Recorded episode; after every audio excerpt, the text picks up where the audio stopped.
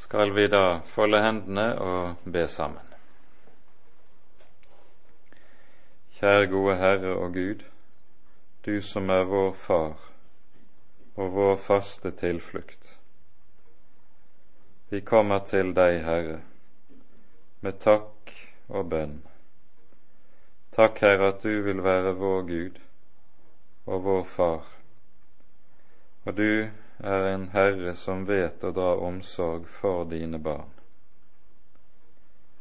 Du vet alt hva vi trenger før vi har bedt deg.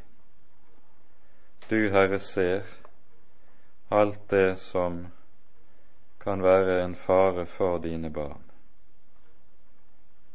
Så ber vi, Herre, ta hver og en i din gode hånd. Send oss ditt ord og din hellige ånd at vi må få lov å bli bevart hos Jesus. Og la oss få lov til å nå målet hjemme hos deg. Kom, Hellige Gud, vær hos oss denne kvelden, og ta deg av oss slik du ser vi behøver det. Amen.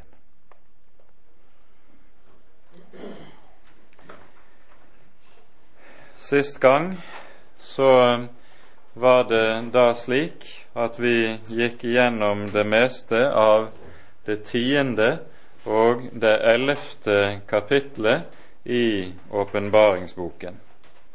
Her hører vi om basunene som det blåses i, og vi kom så langt at vi fikk gjennomgått inntil vi kom til og med den sjette basun. Men den syvende, som vi så hører om fra og med vers 14 i det ellevte kapitlet, det nådde vi ikke til, og vi begynner med den i dag og går inn i det tolvte kapitlet. Det som da er å merke seg når vi nå kommer til den syvende basun, det er jo at ved flere eh, eh, I flere tekster i Det nye testamentet så hører vi om den siste basun, som nettopp er det som skal ledsage Kristi gjenkomst. Det sies både i 1. Korinterbrev 15, vers 52, og i 1. Tessalonikabrev, kapittel 4, vers 16. Her hører vi nettopp at den siste basun, det er det som innvarsler og ledsager Jesu gjenkomst. Og så er det da også slik at det vi nå hører om den siste basun her i åpenbaringsbokens ellevte kapittel, det er det som da innvarsler nettopp den endelige avslutning. For den siste basun, den omhandler eh, den periode som begynner med å skildres i kapittel 13, Antikrists fremtreden og hans rike. Og eh, denne perioden eh, omtales jo da som en periode som har en varighet på tre og en halv åruke, altså tre og et halvt år eller 42 måneder. Og idet den siste basun eh, blåses i, så foranlediger det da at de syv vredeskåler deles ut til syv engler, som så skal helle disse ut over verden og alle disse syv skålene konsentreres nettopp til denne korte perioden på tre og en halv åruke. Så vi kan si det med dette at nå innvarsles det som er historiens høydepunkt, historiens avsluttende kapittel, der det er slik at det som er historiens hovedtema nå like som med all tydelighet legges frem for oss, og så kommer avslutningen. Og det som er historiens hovedtema, det er det som fortelles for oss i det tolvte kapittel, i det symbolspråket som vi møter i dette kapittelet. Og Derfor står kapittel tolv der som den store hovedinnledning til avsnittet som nå følger fra, vers 13, nei, fra kapittel 13 til og med kapittel 20. Men det vi hører om i kapittel 12, det er samtidig altså det som vi med rette kan kalle historiens hovedtema, og som gis oss allerede på Bibelens første blad. Vi kommer tilbake til det. Men la oss nå først lese kapittel 11 fra vers 14 av. Det annet ved er over, se, det tredje ved kommer snart. Og den syvende engel blåste, og høye røster lot seg høre i himmelen, som sa:" Kongedømmet over verden er tilfalt vår Herre, og Han salvede, og Han skal være konge i all evighet. Og de 24 eldste, som sitter for Guds åsyn på sine troner, falt på sitt åsyn og tilba Gud og sa:" Vi takker deg, Herre Gud, du allmektige, du som er og som var, fordi du har tatt din store makt og er blitt konge. Og hedningene er blitt vrede, og din vrede er kommet, og den tid da de døde skal dømmes, og da du skal lønne dine tjenere profetene og de hellige og dem som frykter ditt navn, de små og de store, og da du skal ødelegge dem som ødelegger jorden. Og Guds tempel i himmelen ble åpnet, og hans paktsark ble sett i hans tempel. Og det kom lyn og røster og tordner og jordskjelv og svær hagl. Så er det blåst i den syvende basun. Og med denne basun så møter vi et tema som forbilledlig er gitt oss Eh, i Josvas bok, i det sjette kapittel, der vi hører om erobringen av Jeriko. Dere husker at Jeriko erobres ikke ved våpenmakt, men ved at folket kommer etter at de har krysset Jordan, så går de rundt byen en gang hver dag i syv dager og så blåser de i basun.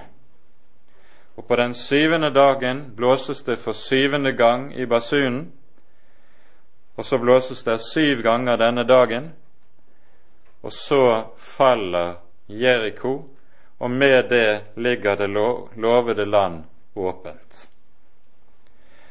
Dermed anskueliggjør Gud det at landet er gitt og seieren er allerede vunnet, og så kan folket ta sin arv i eie. På tilsvarende vis er det når det blåses i den syvende basun. Der faller denne verdens Jeriko og innvarsler at nå kan Guds folk endelig får komme inn i det lovede land. Det er to salmer i Salmenes bok som er sentrale når det gjelder det avsnittet vi nå tar for oss.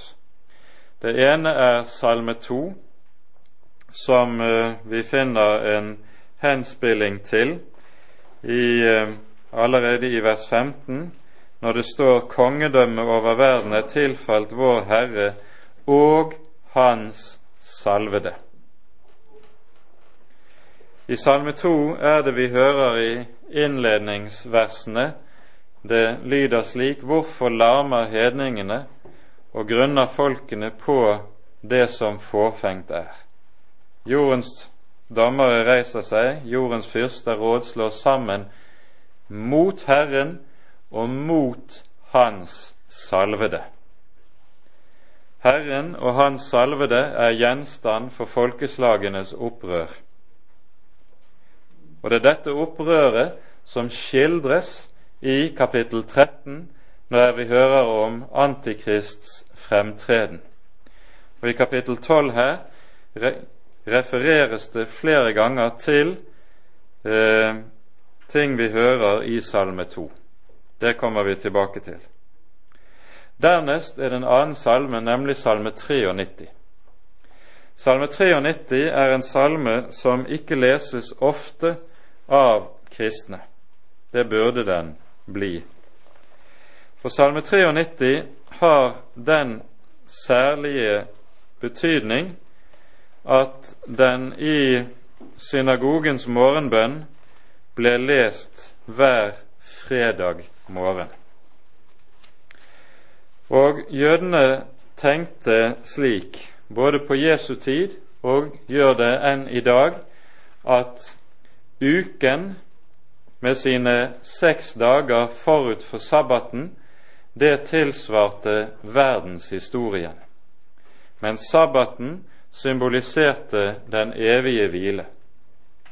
Fredagen blir dermed den siste dag forut for sabbaten, som altså innvarsler den evige hvile. Og med det i minne leser vi Salme 93. Herren er blitt konge. Han har kledd seg i høyhet. Herren har kledd seg, har omgjort seg med styrke, og jorderiket står fast det rokkes ikke. Fast er din trone fra fordums tid, fra evighet er du. Strømmer har oppløftet Herre, strømmer har oppløftet sin røst, strømmer oppløfter sin brusen. Mer enn røsten av de store, de herlige vann, havets brenninger, er Herren herlig i det høye. Dine vitnesbyrd er såre trofaste. For ditt hus sømmer seg hellighet, Herre, så lenge dagene varer. Her legger vi merke til for det første dette Herren er blitt konge, som vi nettopp møter igjen i de ordene vi leste i Åpenbaringen 11. Dette Herren er blitt konge, er et hovedtema i disse salmene fra og med salme 92 til og med salme 99. Salme 96, for eksempel, der leser vi slik i avslutningen fra vers 10, der det nettopp er tale om Herrens komme, Hans gjenkomst.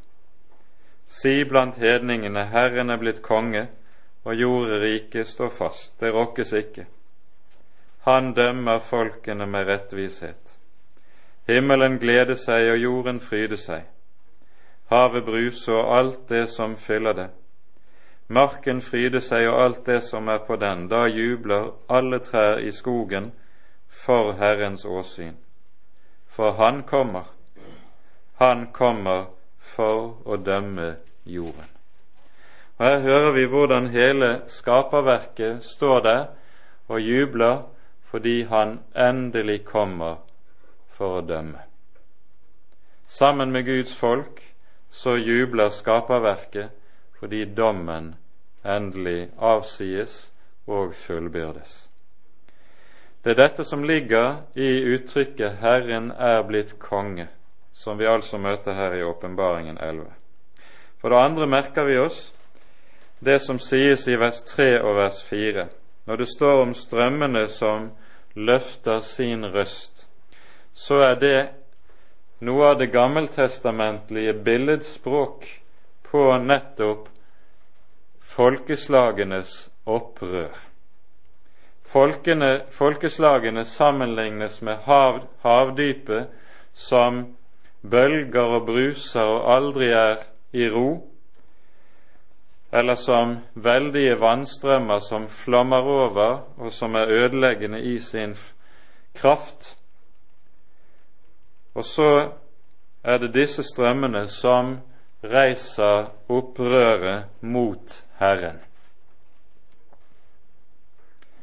Og så er det Herren altså griper inn til dom. Opprørerne slås ned, og så blir Herren stående alene igjen, som seierherren, som kongen, og så kommer Hans rike og Hans evige sabbat. Det er dette som ligger der i samband med det vi hører om den syvende basunen.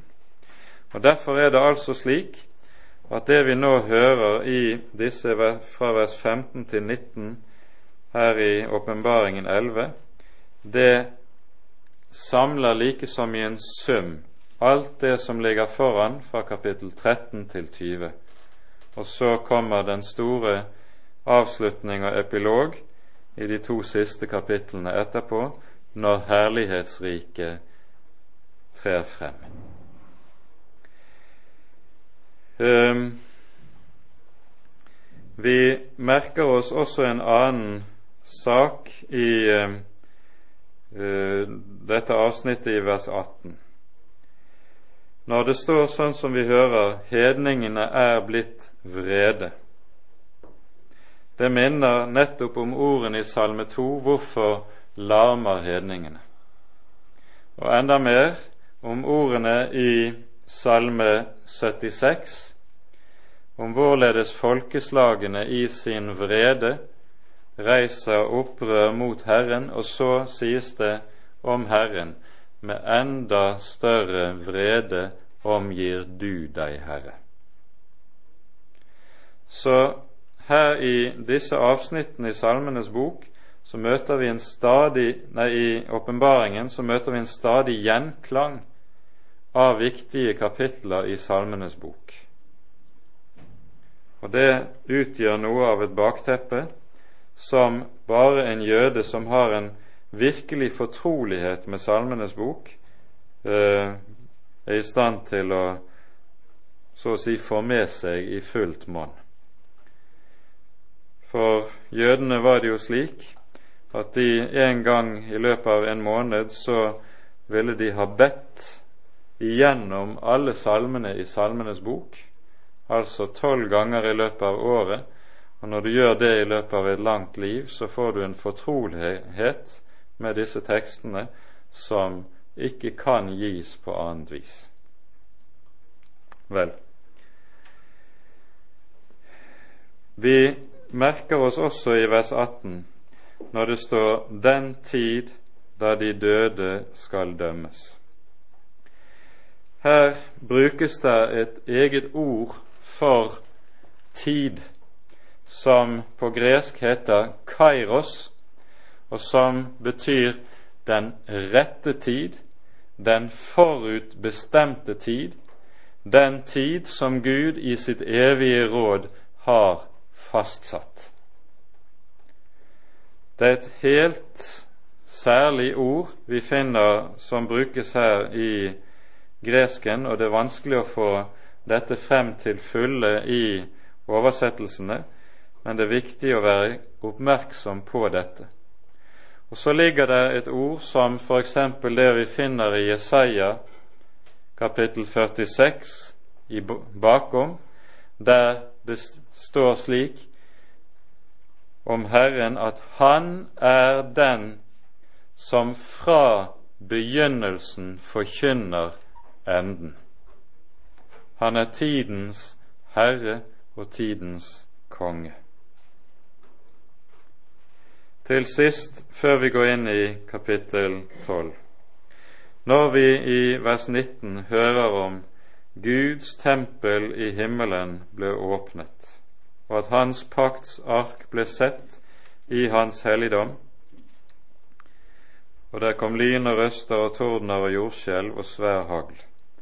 så er dette uttrykk for at nå er Guds evige råd fullbyrdet. Dette sies for så vidt allerede i kapittel 10 i vers 7, der vi så å si forhåndsvarsles om hva som ligger i den syvende basun. I vers, kapittel 10, 7 står det slik I de dager da den syvende engels røst blir hørt, når han skal blåse i basunen, da skal Guds hemmelighet være fullbyrdet, således som han forkynte for sine tjenere, profetene. Det med, det var jo slik med tempelet i Jerusalem at det aller helligste, det var stengt. Dit inn hadde ingen av folket lov til å tre. Heller ikke hadde prestene adgang inn i det aller helligste. Dit inn fikk kun øverstepresten gå én gang i året, nemlig på den store forsoningsdagen. Og Når vi leser i annen Mosebok om lovgivningen i forbindelse med eh, reisingen av tabernaklet, så sies det uttrykkelig at paktens ark fikk ingen i folket lov til å se. Den skulle være skjult for alt folkets øyne. Og Vi hører ved en senere anledning om noen som, nemlig i Samuelsbøkene, av nysgjerrighet etter at filistrene hadde erobret paktens ark, ønsket å se arken, så ble de slått av Herren ved den anledning, på grunn av at de ikke aktet på arkens hellighet. Arken er i sin hellighet skjult for folket og representerer dermed også frelsens mysterium, som symboliseres der. I paktens ark, i og med denne, der er det jo soningen skjedde. Og soningen som ypperstepresten gjør på den store forsoningsdagen, den er det som bærer i seg hele frelsens mysterium. Og merk at Bibelen nettopp kaller dette for mysterium. Det er ordet, eller begrepet, som brukes om dette. Ordet hemmelighet, som vi hørte her i eh, vers 7, det er, har nettopp ordet mysterium i grunnteksten som altså ligger bak. Frelsen er en hemmelighet. Den er å kalles en hemmelighet av to grunner. For det første fordi den er noe som Gud har bestemt i sitt evige råd allerede før verdens grunnvoll ble lagt. Og for det andre den kalles et, en hemmelighet, et mysterium, fordi det er noe som er utilgjengelig for alle mennesker. Intet menneske kan lese seg til, tenke seg til, finne frem til frelsens hemmelighet ut fra egne forutsetninger. Derfor er frelsens hemmelighet noe som alltid må åpenbares og gis. Det er det Paulus taler om i første Korinterbrev når han sier hva øyet ikke så, og øret ikke hørte, og hva ikke oppkom i noe menneskes hjerte, det er det vi forkynner i evangeliet. Og Hva er evangeliet? Det er et budskap som har det med seg at det ikke er med ord som mennesker eller menneskelig visdom lærer, men som Ånden lærer. Det er mysteriet. Og når det nå sies Forhenget er trukket til side. Veien er åpnet inn i det aller helligste.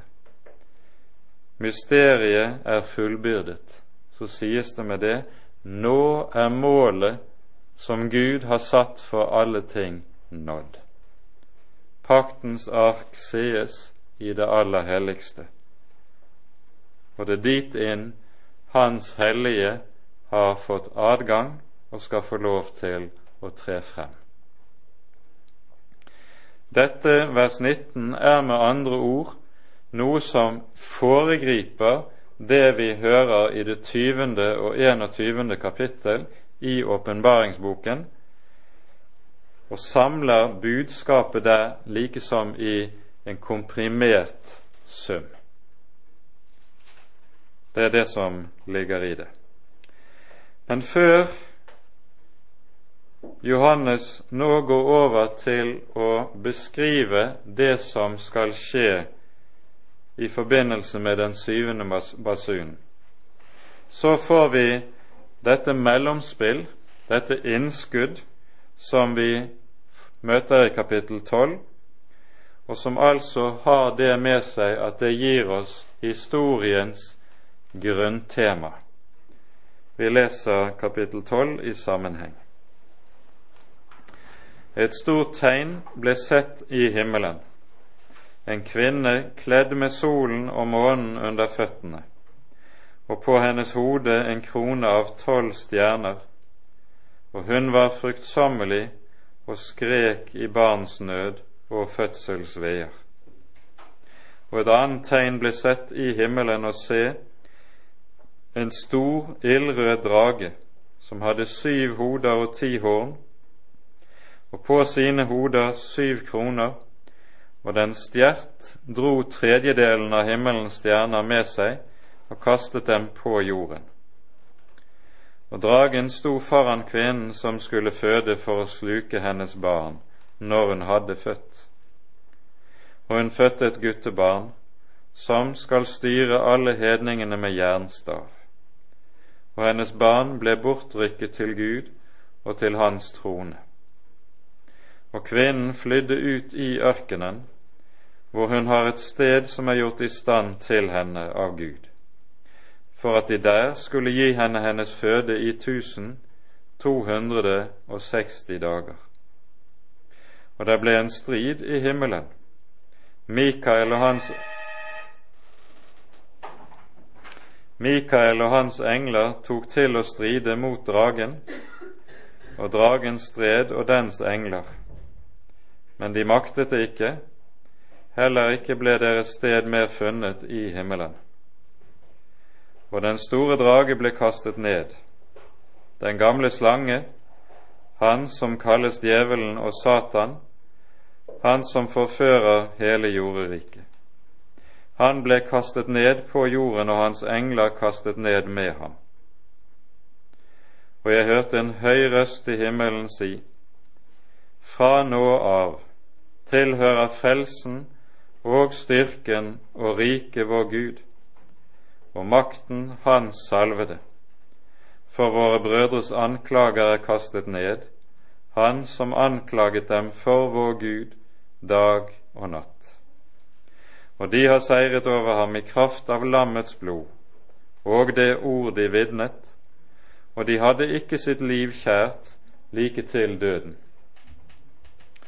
Derfor, fry dere, dere himler og dere som bor i dem, ved jorden og havet, for djevelen er faret ned til dere i stor vrede, fordi han vet at han bare har en liten tid.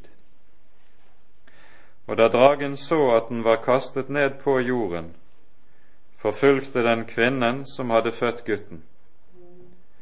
Og den store ørns to vinger ble gitt til kvinnen for at hun skulle fly ut i ørkenen til sitt sted, hvor hun får sin føde en tid og tider og en halv tid borte fra slangens åsyn. Og slangen sprutet av sin munn vann, som en elv etter kvinnen for å rive henne bort med elven. Men jorden kom kvinnen til hjelp, og jorden åpnet sin munn og slukte elven som slangen sprutet av sin munn. Og dragen ble vred på kvinnen, vred på kvinnen og dro av sted for å føre krig mot de andre av hennes ett, dem som holder Guds bud og har Jesu vitnesbyrd og jeg sto på sanden ved havet. I parentes bemerket, det siste verset, det skal antagelig heller gjengis, og den, dvs. Si dragen, sto på slangen ved havet.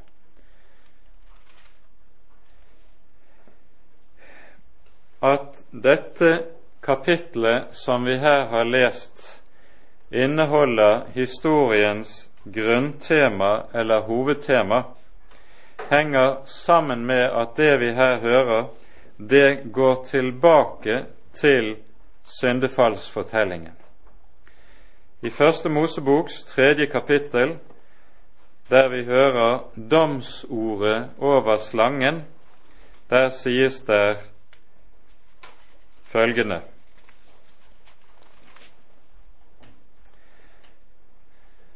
Først så dømmes slangen til å krype på sin buk og ete støv alle sitt livs dager, og så sies det Jeg vil sette fiendskap mellom deg og kvinnen, mellom din ett og hennes ett.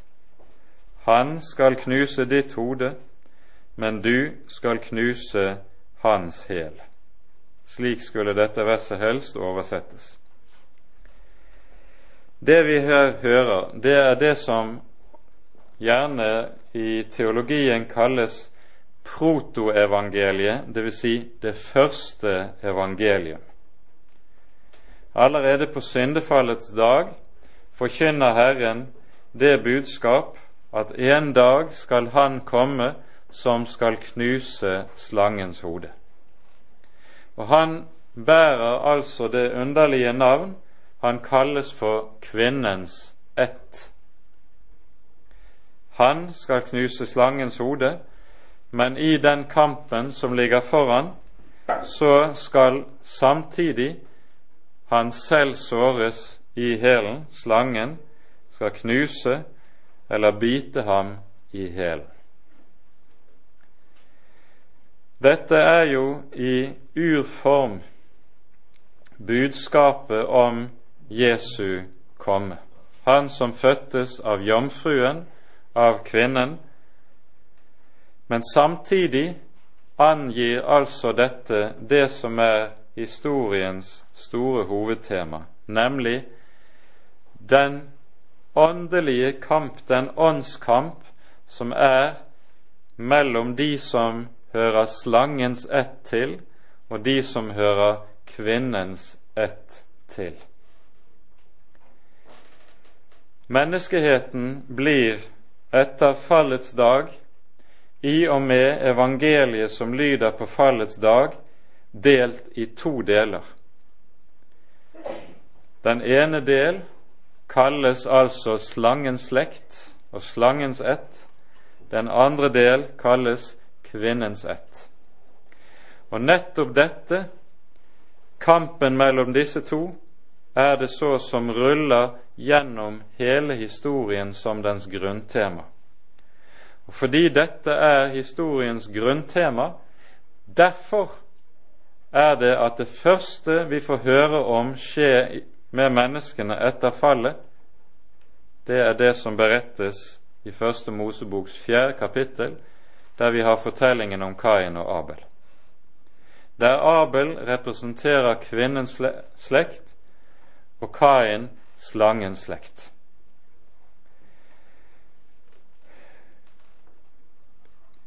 Ganske kort skal vi forklare hva det innebærer. For det vi hører når det gjelder Kain og Abel, er jo at begge disse to ofrer til Gud. Forskjellen mellom Kains og Abels offer er at det ene mottas av Gud, det andre avvises av ham. Og Så kunne man spørre hva er årsaken til at Kains offer avvises? Jo, det ligger ikke i det Kain ofrer, men det ligger i det som har med Kains eget hjerte å gjøre. Og hvordan det står til i Kains hjerte, det ser vi av én en enkelt sak, nemlig hvordan Kain stiller seg til Guds ord. For slik et menneske stiller seg til Guds ord, slik er også dets hjerteforhold til Gud. Og Leser vi kapittel 4 i sammenheng, vers 1-16, så vil du se at Herren tre ganger oppsøker Kain og søker å nå inn til ham. Hvordan forholder Kain seg til Herrens tiltale? Det han gjør, er at han hver gang avviser Guds tiltale og handler i strid med Herrens ord. Kains hjerteforhold er altså det at han er en som står Guds ord imot, og derfor står Gud imot. Likevel ofrer Kain til Gud. Hva er da Kains offer for noe? Det er urbildet på den falske religiøsitet. Den falske religiøsitet har alltid det som sitt typiske uttrykk. Den ber, den vil ofre til Gud, den vil være religiøs, samtidig som den ikke vil omvende seg. Kain er urbildet på det, den falske religiøsitet. Og Det som alltid kjennetegner den falske religiøsitet, hva er det? Det er at den hater den levende og sanne Guds tro og Guds dyrkelse. Derfor legger Kain Abel for hat. Derfor forfølger Kain Abel. Derfor slår Kain sin bror i hjel. Og dette har vært slik fra den dag av oppover gjennom hele historien, har Kain alltid forfulgt Abel. Har den falske religiøsitet alltid forfulgt den sanne og levende Guds tro og Guds dyrkelse. Det henger sammen med at den falske religiøsitet alltid avsløres av den sanne Guds tro og Guds styrkelse, noe den ikke kan utstå. Og så hater Kain Abel, og så forfølger slangens ett kvinnens ett. Så søker Bals profeter å slå de som frykter Herren i hjel. Så søker fariseerne å slå Kristus og hans disipler i hjel. Så forsøker løgnkirken å slå den sanne kirke i hjel. Dette ser vi igjen gjennom hele historien, både bibelhistorie og kirkehistorie. Det er historiens grunntema, og dette grunntemaet er det vi altså møter igjen i Åpenbaringen 12, der dette så å si møter oss både i sitt urbilde, samtidig som dette urbildet peker frem mot sitt historiske klimaks, når Antikrist søker å slå Kristi kirke i hjel og endelig utrydde alt som heter kristendom og kristenhet i verden. Det er dette historiske grunntema som altså ligger bak åpenbaringen 12. Og La oss nå gå tilbake dit og se på enkelttrekk ved det vi hører i dette kapitlet. Det sies et stort tegn ble sett i himmelen. En kvinne kledd med solen, månen under hennes føtter og på hennes hode en krone av tolv stjerner. Hun var fruktsommelig skrek i barnsnød og fødselsveier. Hvem er kvinnen? Det er gudsfolket. Hun symboliserer gudsfolket og er derfor den som er kvinnens representerer så å si kvinnens ett, og barnet som fødes, kvinnens ett, det er Guds sønn, det er Jesusbarnet. Barnet hun føder, er Guds egen sønn. Og det er denne Guds sønn som er gjenstand for slangens, for dragens fiendskap og hat, Dette er bakgrunnen for at det første som skjer når barnet er født, det er at vi hører om barnemordet i Betlehem. Det er urformen og urbildet av dette som vi har liggende bakom. Når gudsfolket skildres med slike egenskaper eller attributter som vi her hører, kledd i solen, månen under hennes føtter og om hennes hode en krone av tolv stjerner, så går dette nok delvis tilbake til Jakobs drøm i, eh, som vi hører om i Første Moseboks 37. kapittel, der Jakob avbilder, for å høre, ikke sant, i drømmen at både sol og måne og tolv stjerner skulle bøye seg for ham. De tolv stjerner det er bildet på de brødrene, de tolv stamfedrene i Israel, som alle altså symboliseres ved hjelp av stjernene. Det er altså det gammeltestamentlige Israel som ofte kalles Sions datter, og som derfor også kalles Herrens trolovede en rekke steder i Det gamle testamentet. Og så ser vi i dette forbildet på eh, hvordan vi her pekes inn imot det som så lyder i kapittel 21, der lammets bryllup kommer, og der lammets brud stiger ned fra himmelen fra Gud. Det er kvinnen. Kvinnen som føder barnet, er det gammeltestamentlige gudsfolk. Og så, når Guds sønn er født, har fullbyrdet sin gjerning, er rykket opp til himmelen, så kommer det nytestamentlige gudsfolk, og så er det den samme kvinne. Dermed sier bibelteksten det grunnleggende at det gammeltestamentlige og det nytestamentlige gudsfolk dypest sett er det samme. Gudsfolket er ikke noe som så å si har sin begynnelse på pinsedag i Jerusalem. Nei, det har sin begynnelse allerede på fallets dag, når Gud første gang forkynner evangeliet, og det er to som er falt, som griper i håp om Herrens ord og løfte. Da finner vi begynnelsen til Guds folk i fallets verden. Vi som hører det nytestamentlige Guds folk, vi er ett med Det gamle testamentets Guds folk. Det er det som anskueliggjøres med dette bildet.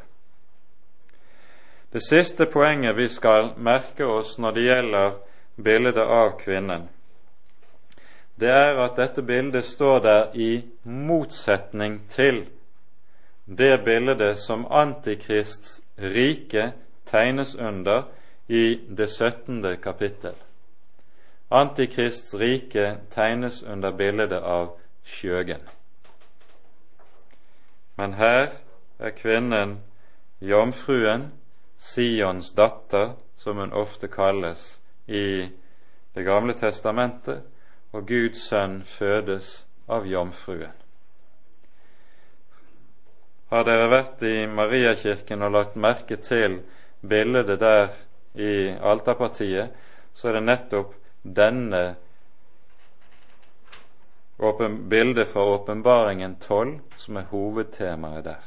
Kvinnen som føder uh, guttebarnet, og som altså da symboliseres i Maria.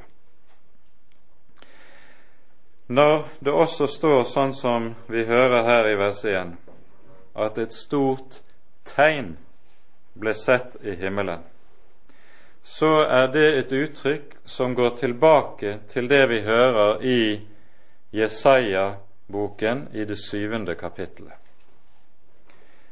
Der står det i en særlig kritisk fase i det gammeltestamentlige gudsfolks liv så kommer profetien om han som skal fødes av jomfruen, og det står slik Derfor skal Herren selv gi dere et tegn.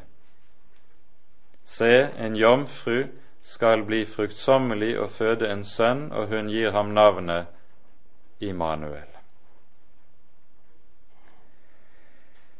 Det annet tegn som vi møter i dette kapitlet, det er bildet av dragen. Han ble sett også i himmelen. Han tegnes under bildet av en stor, ildrød drage, og ilden er i denne sammenheng helvedes farge.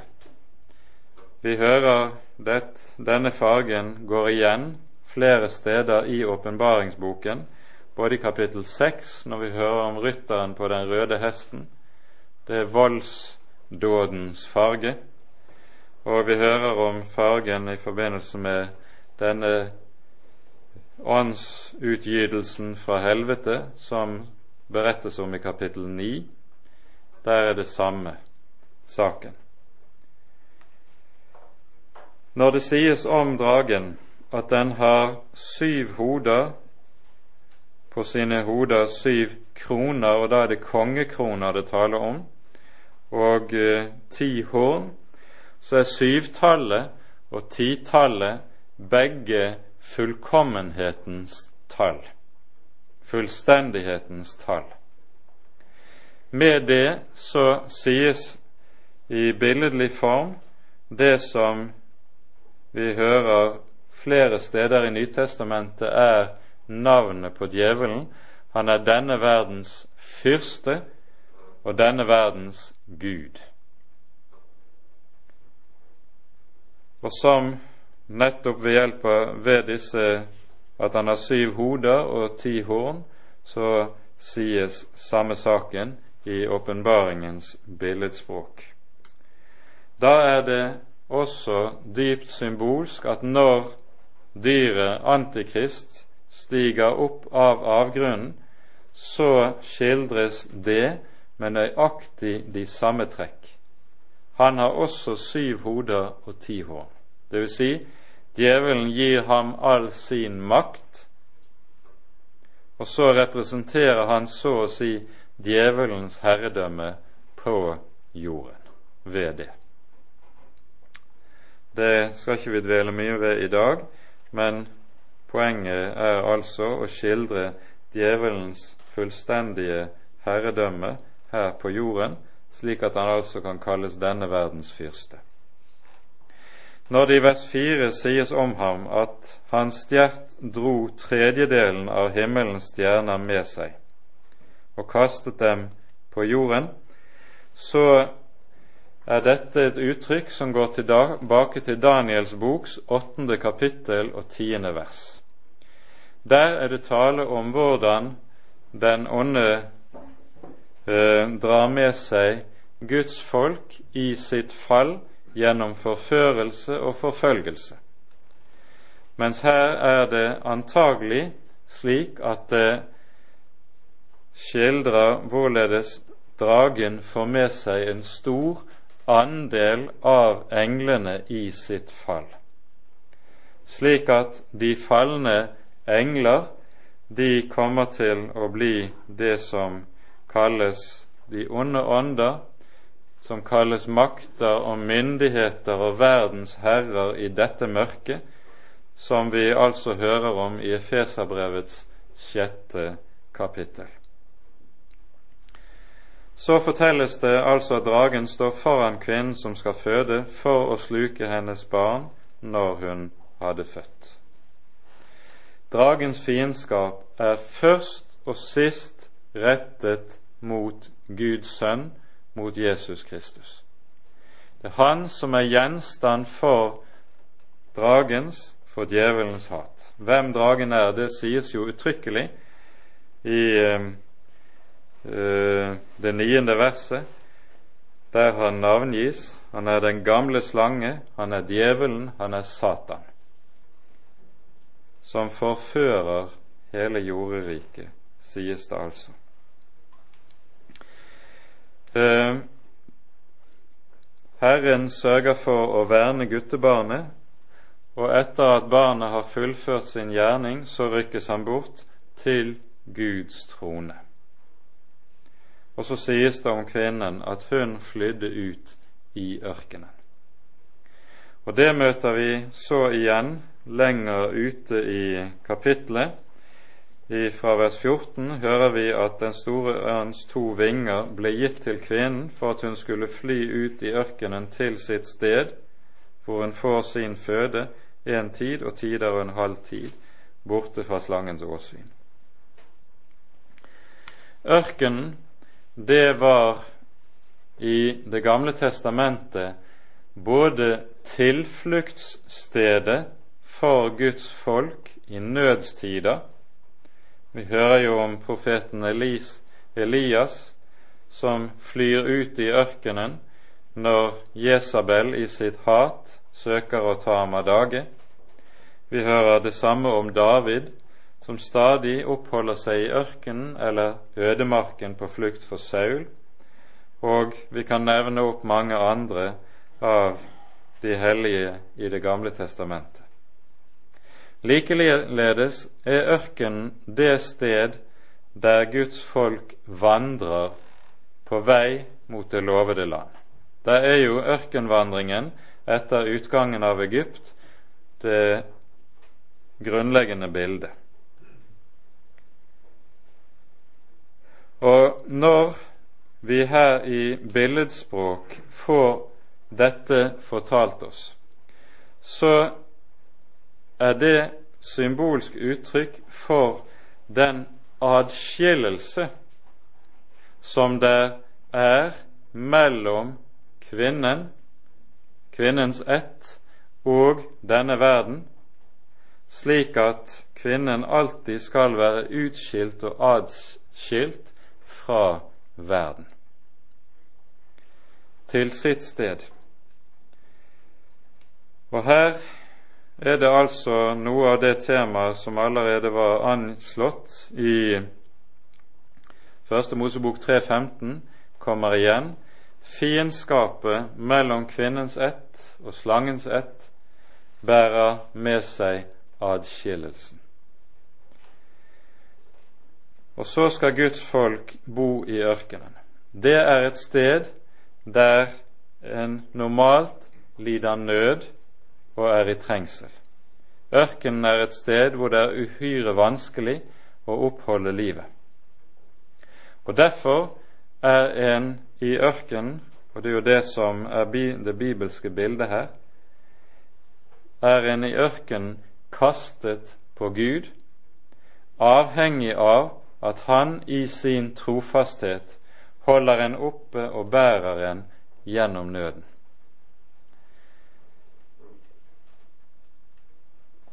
Jesus er jo inne på dette som har med både den grunnleggende adskillelse og det fiendskap som er mellom Guds folk og verden, mange steder i Johannesevangeliet særlig. En tjener er ikke større enn sin herre. Har de forfulgt meg, skal de også forfølge dere. Og så sier han det dere, eller disiplene rettere sagt, de er ikke av verden, like som jeg ikke er av verden. Det er en vesensforskjell som består i at like som Jesus er ovenfra og ikke nedenfra, så kan det samme sies om Guds folk. De er født ovenfra, ikke nedenfra. I tråd med det Jesus sier i samtalen med Nikodemus det som er født av kjødet, er kjød, det som er født av Ånden, er ånd. Og så skal Guds folk, så skal kvinnen fly ut i ørkenen. Her symboliseres det for oss altså den grunnleggende adskillelse som det må være, det grunnleggende skillet som det må være mellom Guds folk og verden, Eh, Paulus er også inne på det i andre Korinterbrev i det sjette kapittel, når han stiller spørsmålet hva samfunn er det mellom lys og mørke, mellom Kristus og Belial, mellom sannhet og løgn. Det er intet samfunn mellom disse, derfor settes det altså dette avgjørende skillet. Og Det er også en av de ting som gjør Guds folk forhatt her i verden, det at det nettopp er et slikt skille. Det er intet samfunn mellom løgnen og sannheten, mellom Guds folk og slangens slekt. Så sies det om denne ørkentilstand at den er gjort i stand for henne av Gud, og at Gud skulle gi henne føde i 1260 dager. Og På ny møter vi dette tallet, som tilsvarer altså 42 måneder eller tre og et halvt år, og da er det tale om nettopp den antikristelige trengselstid. Han skulle nettopp også råde i tre og et halvt år. Eh, det brukes også enda et annet uttrykk om varigheten av denne perioden. Den kalles for én tid og tider og en halv tid. Og Her er en tid det samme som en periode på et år.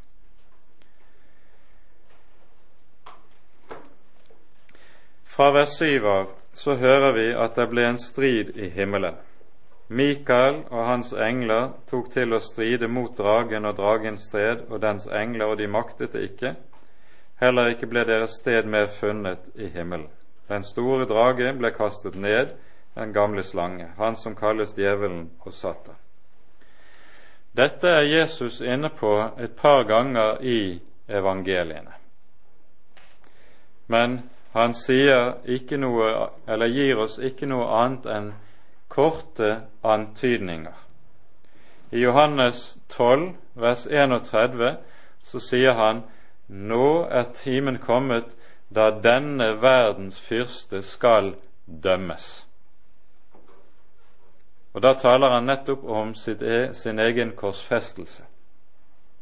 Og i Lukas 10, vers 18, sier Jesus, Jeg så djevelen falle ned fra himmelen som et lyn. Han er kastet ut av det høye. Han var opprinnelig en av Guds engler. Det er grunn til ut fra bibelske vitnesbyrd å anta at han var den høyeste av alle englene og av alle englefyrstene. Derfor blir også hans fall så stort som det blir. Og fordi han var en englefyrste, så hadde han også adgang inn for Guds trone i himlene. Dette hører vi om jo i Det gamle testamentet, f.eks. i Jobbs bok, i kapittel 1, der djevelen opptrer for Guds trone som Jobbs anklager. Du kan også høre tilsvarende i første kongebok 22. kapittel, om hvorledes djevelen har tiltrede inn i englenes rådsforsamling i himmelen. Men ved Jesu død på korset så skjer det altså det avgjørende han kastes ned. Han fratas også dette tiltredet. Han fratas sin myndighet som anklager for Guds trone, og så avvæpnes han av Kristus ved hans død på korset.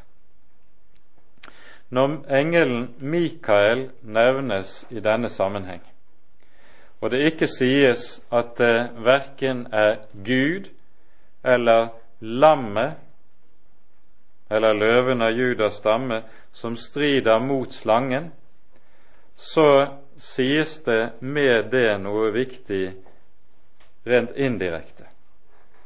Slangen representerer nemlig ingen mot Gud, som så å si står på like fot med Gud og bare kan overvinnes eller bekjempes av Gud selv. Nei, han er en englefyrste, intet annet, og derfor er det også en englefyrste som beseirer ham. Mikael omtales et par ganger i Daniels bok.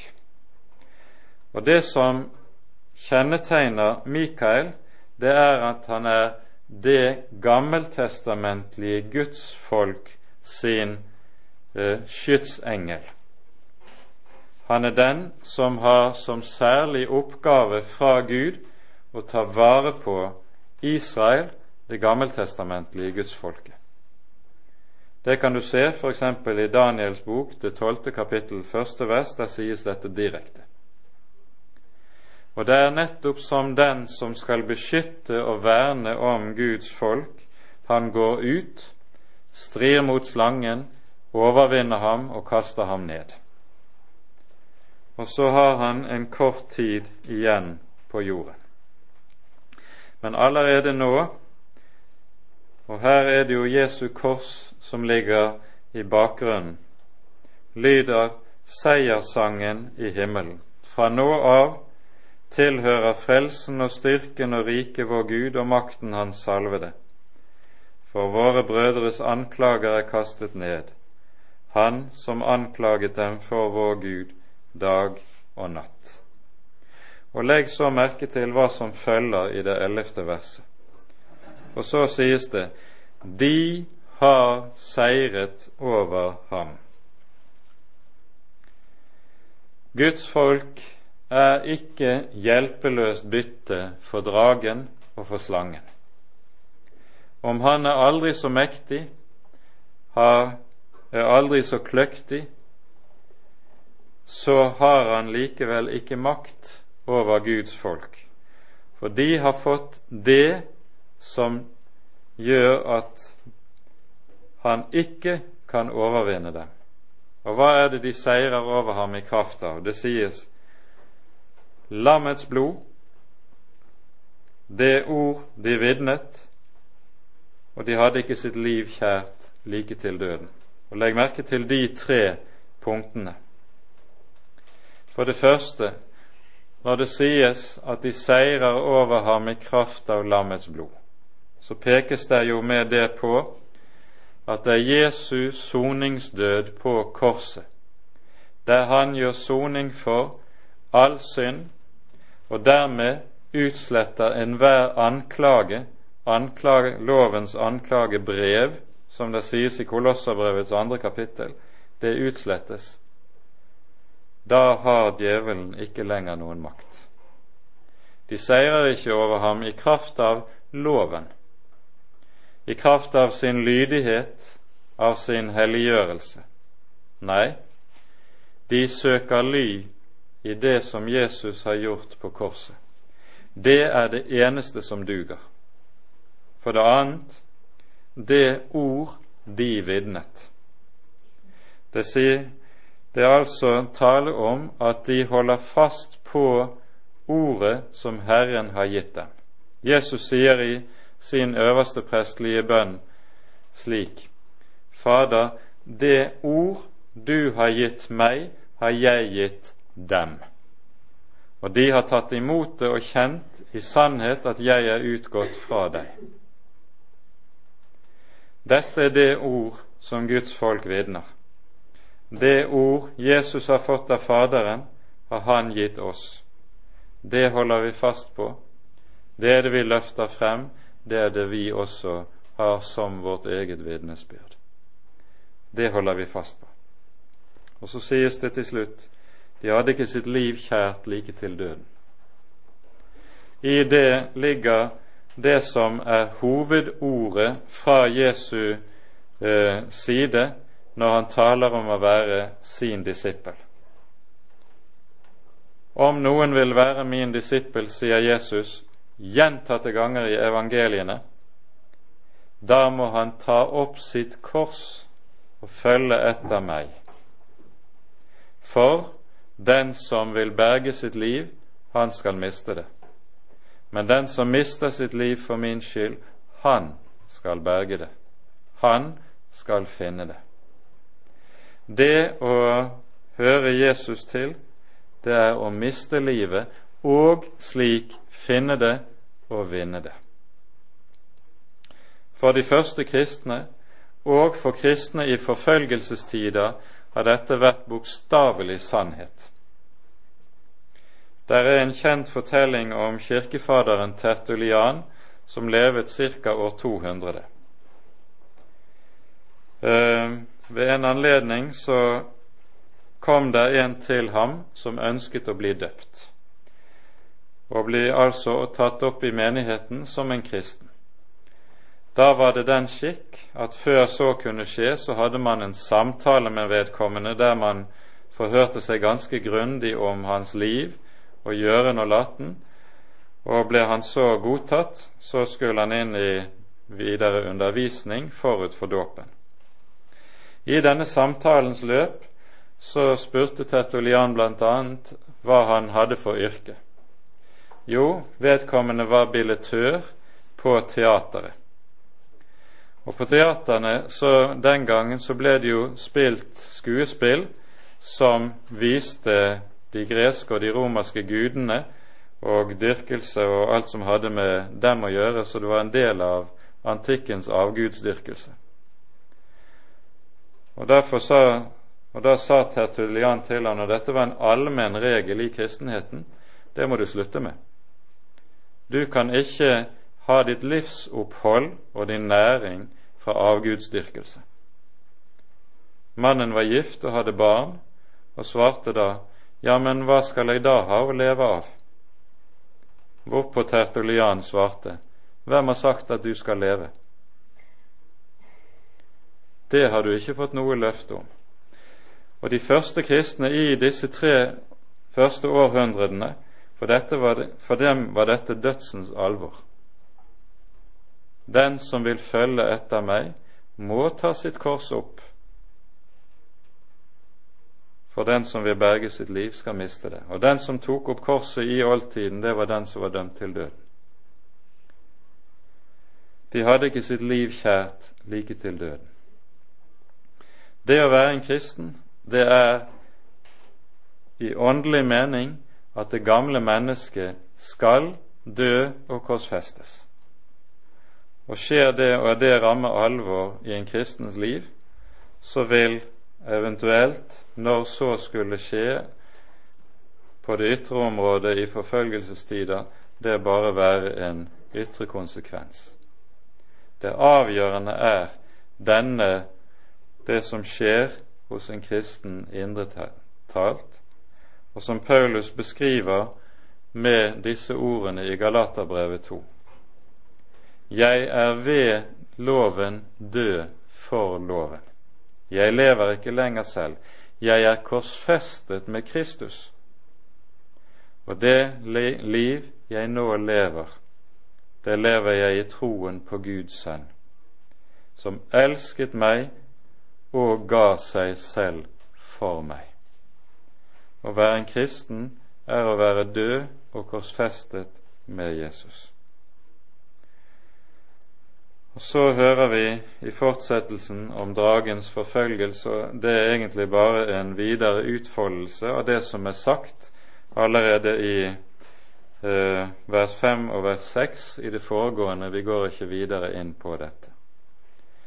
Men legg nøye merke altså til lovsangen som lyder her, fra kvinnens ett, fra kvinnens barn.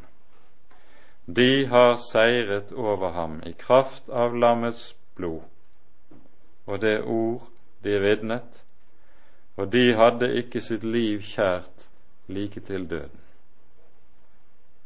Det var deres kjennetegn. Det var det som var deres kjennetegn gjennom hele den første kristne tid. Og det har alltid vært Guds folks kjennemerke. For Guds folk skal vite og alltid være forberedt på dette, at Kain vil på ny og på ny stå Abel etter livet. Det må aldri komme som en overraskelse på noen av Guds barn. Men Jesus har også gitt det løftet. den som mister livet for min skyld, han finner det. I det ligger det hans store løfte. For vilkåret i denne sammenheng handler jo om livsvilkåret for Guds folk. Består i det at det å være en kristen, det er å dele kår med Jesus. Amen. Ære være Faderen og Sønnen og Den hellige ånd, som var og er og være skal, en sann Gud, høylovet i evighet. Amen.